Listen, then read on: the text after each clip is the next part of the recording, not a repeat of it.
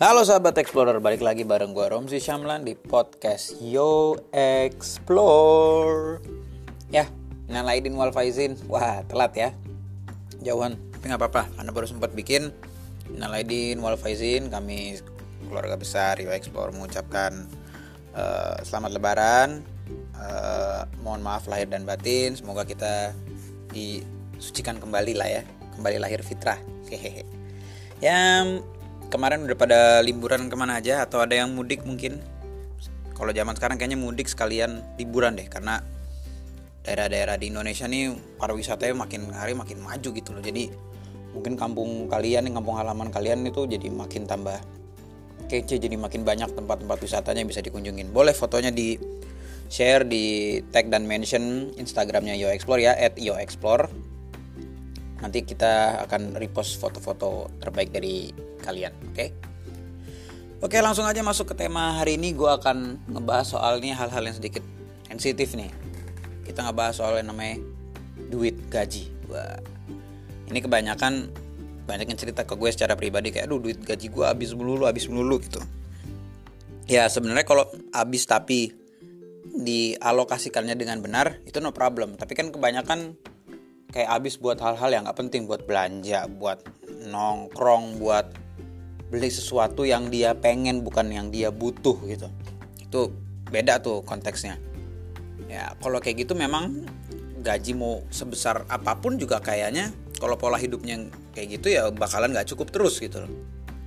Jadi uh, ini gue ada ngasih tips uh, buat menghemat gaji uh, bukan buat meng sekedar menghemat maksudnya lebih kayak gaji tuh biar berguna banget gitu lah ya. maksudnya biar lo buat masa depan itu berguna itu kira-kira gimana cara mengalokasikan atau menyimpannya atau dalam tanda kutip adalah gimana cara menginvestasikan gaji lo yang benar gitu loh.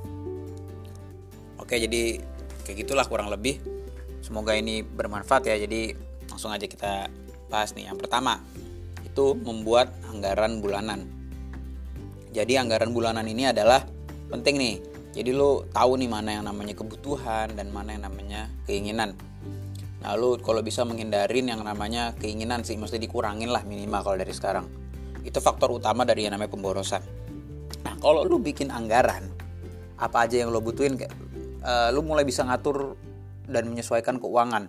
Nah ini bakal jadi challenge sendiri sih jadi tantangan sendiri. Jadi lo harus bikin ter terperinci nih supaya nggak berantakan Nah ada kebutuhan tersier tuh kayak traveling, belanja, nongkrong. Itu lu juga bikin deh tuh anggarannya. Jadi dalam sebulan mungkin ya mungkin kalau traveling nggak sebulan sekali juga kali ya. Bisa diatur lagi lah. Tapi kayak buat belanja nongkrong itu tuh harus di pokoknya misalnya limit. Udah pokoknya gue belanja sama nongkrong nih duitnya dalam waktu sebulan maksimal habis sejuta gitu misalkan gitu. Udah kalau udah sejuta udah tahan-tahan diri sampai lu uh, gajian lagi atau bulan depan. Itu tips yang pertama. Yang kedua, segera bayar tagihan setelah gajian datang ini. Jangan di pending-pending tentang-tentang baru gajian. Ah taruh duitnya masih ada. Gue mau beli yang ini dulu mau beli yang itu dulu. Kalau menurut gue sih mendingan dari awal itu dibayar langsung. Kayak misalkan bayar cicilan mobil rumah motor atau kredit atau lain-lainnya. Bayar tepat waktu jangan pernah ditunda. E, karena kalau ketunda nanti akan repot. Karena lo nggak tahu nanti akan ada yang namanya kebutuhan mendadak ya force major kayak gitu. Akhirnya lu pakai duitnya terus akhirnya yang prioritas kayak cicilan-cicilan itu jadi ke apa ya tahan gitu loh atau jadi ke pending wah itu jadi e, berantakan. Mendingan dibayar dulu kan pasti masih ada sisanya itu. Nah sisanya itu baru dibikin anggaran-anggarannya lagi tuh yang kayak tadi di atas. Jadi ini menurut gue penting nih langsung dibayar aja deh tuh yang nama-namanya tagihan oke? Okay?